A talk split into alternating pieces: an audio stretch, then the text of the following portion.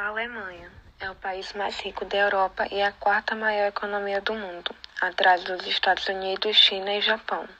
A Alemanha possui uma economia bastante diversificada, sendo o terceiro país do mundo que mais exporta, atrás da China e dos Estados Unidos. O território alemão é pobre em alguns recursos naturais. Esses são importados de outros países, como o petróleo e gás natural. A parte oeste da Alemanha é a mais desenvolvida em termos econômicos. Isso é explicado por questões históricas. Devido à divisão do país no período da Guerra Fria, tal divisão fez com que a parte ocidental se desenvolvesse mais do que a parte oriental, pois havia fortes investimentos de indústrias capitalistas na região.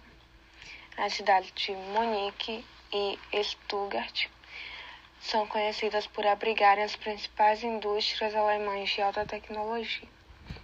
No país, há empresas e instituições atualizadas e inovadoras que produzem e dominam tecnologias de ponta, com atuação em nível internacional. O país conta com a mão de obra de trabalhadores qualificados e especializados. No setor educacional, há um sistema de formação profissional de grande nível almejado em todo o mundo. A Alemanha tem uma excelente infraestrutura realizada para a realização de pesquisas e desenvolvimento socioeconômico. A economia da Alemanha é baseada em um modelo de economia social de mercado, onde se estabelece limites para a livre ação de mercado, evitando perdas de social no país, a distribuição e oferta de mercadoria diferenciada.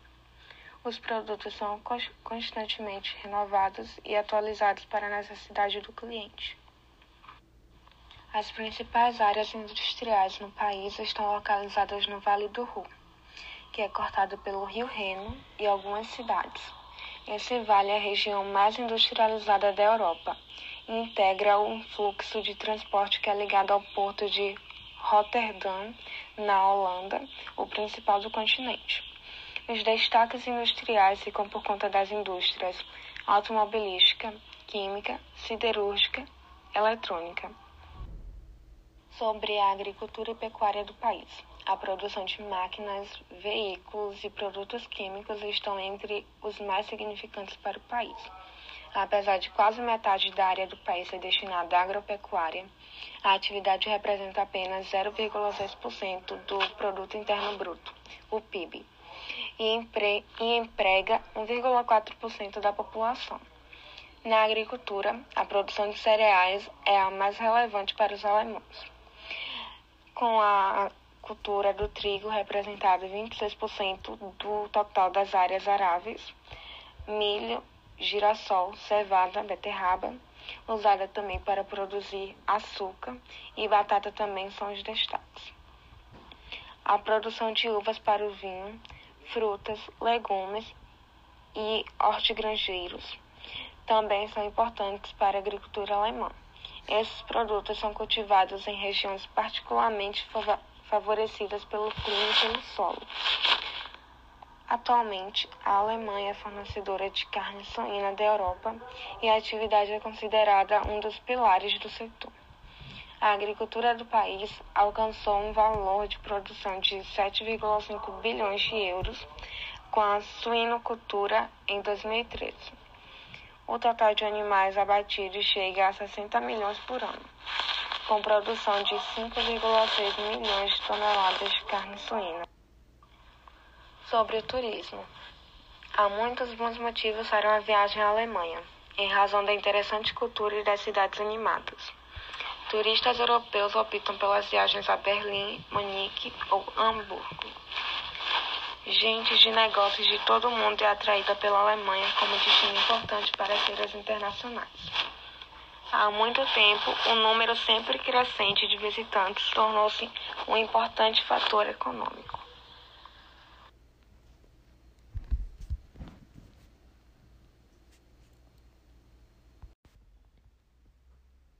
A Alemanha é o país mais rico da Europa e a quarta maior economia do mundo, atrás dos Estados Unidos, China e Japão.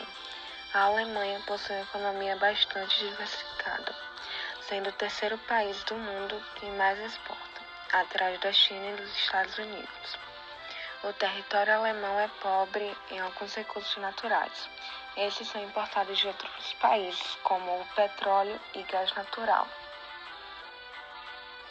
A parte oeste da Alemanha é a mais desenvolvida em termos econômicos. Isso é explicado por questões históricas. Devido à divisão do país no período da Guerra Fria, tal divisão fez com que a parte ocidental se desenvolvesse mais do que a parte oriental, pois havia fortes investimentos de indústrias capitalistas na região. As cidades de Munique e Stuttgart são conhecidas por abrigarem as principais indústrias alemãs de alta tecnologia. No país, há empresas e instituições atualizadas e inovadoras que produzem e dominam tecnologias de ponta, com atuação em nível internacional.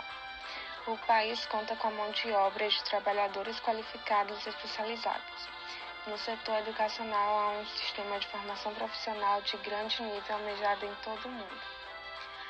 A Alemanha tem uma excelente infraestrutura realizada para a realização de pesquisas e desenvolvimento socioeconômico. A economia da Alemanha é baseada em um modelo de economia social de mercado, onde se estabelece limites para a livre ação de mercado, evitando perdas de social no país a distribuição e oferta de mercadoria diferenciada. Os produtos são constantemente renovados e atualizados para a necessidade do cliente. As principais áreas industriais no país estão localizadas no Vale do Ru, que é cortado pelo Rio Reno e algumas cidades. Esse vale é a região mais industrializada da Europa e integra um fluxo de transporte que é ligado ao porto de Rotterdam, na Holanda, o principal do continente. Os destaques industriais ficam por conta das indústrias automobilística, química, siderúrgica, eletrônica. Sobre a agricultura e pecuária do país. A produção de máquinas, veículos e produtos químicos estão entre os mais significantes para o país.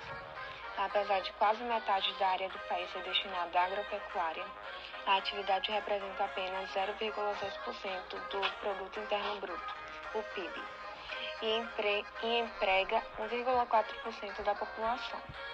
Na agricultura, a produção de cereais é a mais relevante para os alemães, com a cultura do trigo representando 26% do total das áreas aráveis, milho, girassol, cevada, beterraba, usada também para produzir açúcar e batata também são os destaques. A produção de uvas para o vinho, frutas, legumes e hortigranjeiros também são importantes para a agricultura alemã. Esses produtos são cultivados em regiões particularmente favorecidas pelo clima e pelo solo. Atualmente, a Alemanha é fornecedora de carne suína da Europa e a atividade é considerada um dos pilares do setor. A agricultura do país alcançou um valor de produção de 7,5 bilhões de euros com a suinocultura em 2013. O total de animais abatidos chega a 60 milhões por ano, com produção de 5,6 milhões de toneladas de carne suína sobre o turismo. Há muitos bons motivos para uma viagem à Alemanha, em razão da interessante cultura e das cidades animadas. Turistas europeus optam pelas viagens a Berlim, Munique ou Hamburgo. Gente de negócios de todo o mundo é atraída pela Alemanha como destino importante para feiras internacionais. Há muito tempo, o número sempre crescente de visitantes tornou-se um importante fator econômico.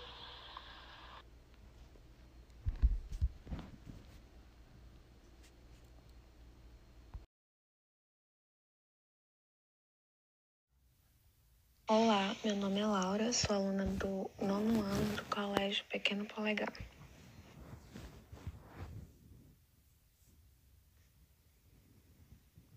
A Alemanha é o país mais rico da Europa e a quarta maior economia do mundo, atrás dos Estados Unidos, China e Japão. A Alemanha possui uma economia bastante diversificada, sendo o terceiro país do mundo que mais exporta. atrás da China e dos Estados Unidos. O território alemão é pobre em alguns recursos naturais. Esses são importados de outros países, como o petróleo e gás natural. A parte oeste da Alemanha é a mais desenvolvida em termos econômicos. Isso é explicado por questões históricas. Devido à divisão do país no período da Guerra Fria, tal divisão fez com que a parte ocidental se desenvolvesse mais do que a parte oriental pois havia fortes investimentos de indústrias capitalistas na região. As cidades de Munique e Stuttgart são conhecidas por abrigarem as principais indústrias alemãs de alta tecnologia. No país, há empresas e instituições atualizadas e inovadoras que produzem e dominam tecnologias de ponta, com atuação em nível internacional. O país conta com mão de obra de trabalhadores qualificados e especializados. No setor educacional, há um sistema de formação profissional de grande nível almejado em todo o mundo. A Alemanha tem uma excelente infraestrutura realizada para a realização de pesquisas e desenvolvimento socioeconômico. A economia da Alemanha é baseada em um modelo de economia social de mercado se estabelece limites para a livre ação de mercado, evitando prejuízo social no país, a distribuição e oferta de mercadoria é diferenciada. Os produtos são constantemente renovados e atualizados para a necessidade do cliente. As principais áreas industriais no país estão localizadas no Vale do Ru, que é cortado pelo Rio Reno e algumas cidades. Esse vale é a região mais industrializada da Europa e integra um fluxo de transporte que é ligado ao porto de Rotterdam, na Holanda, o principal do continente. Os destaques industriais ficam por conta das indústrias automobilística, química, siderúrgica, eletrônica. Sobre a agricultura e pecuária do país. A produção de máquinas, veículos e produtos químicos estão entre os mais significantes para o país. Apesar de quase metade da área do país ser destinada à agropecuária, a atividade representa apenas 0,6% do Produto Interno Bruto, o PIB, e, empre e emprega 1,4% da população. Na agricultura, a produção de cereais é a mais relevante para os alemães com a cultura do trigo representado 26% do total das áreas aráveis, milho, girassol, cevada, beterraba, usada também para produzir açúcar e batata também são os destaques. A produção de uvas para o vinho, frutas, legumes e hortigranjeiros também são importantes para a agricultura alemã. Esses produtos são cultivados em regiões particularmente favorecidas pelo clima e pelo solo. Atualmente, a Alemanha é fornecedora de carne suína da Europa e a atividade é considerada um dos pilares do setor. A agricultura do país alcançou um valor de produção de 7,5 bilhões de euros com a suinocultura em 2013 o total de animais abatidos chega a 60 milhões por ano, com produção de 5,6 milhões de toneladas de carne suína. Sobre o turismo. Há muitos bons motivos para uma viagem à Alemanha, em razão da interessante cultura e das cidades animadas. Turistas europeus optam pelas viagens a Berlim, Munique ou Hamburgo. Gente de negócios de todo o mundo é atraída pela Alemanha como destino importante de feiras internacionais. Há muito tempo, o número sempre crescente de visitantes tornou-se um importante fator econômico. E assim finalizo minha apresentação.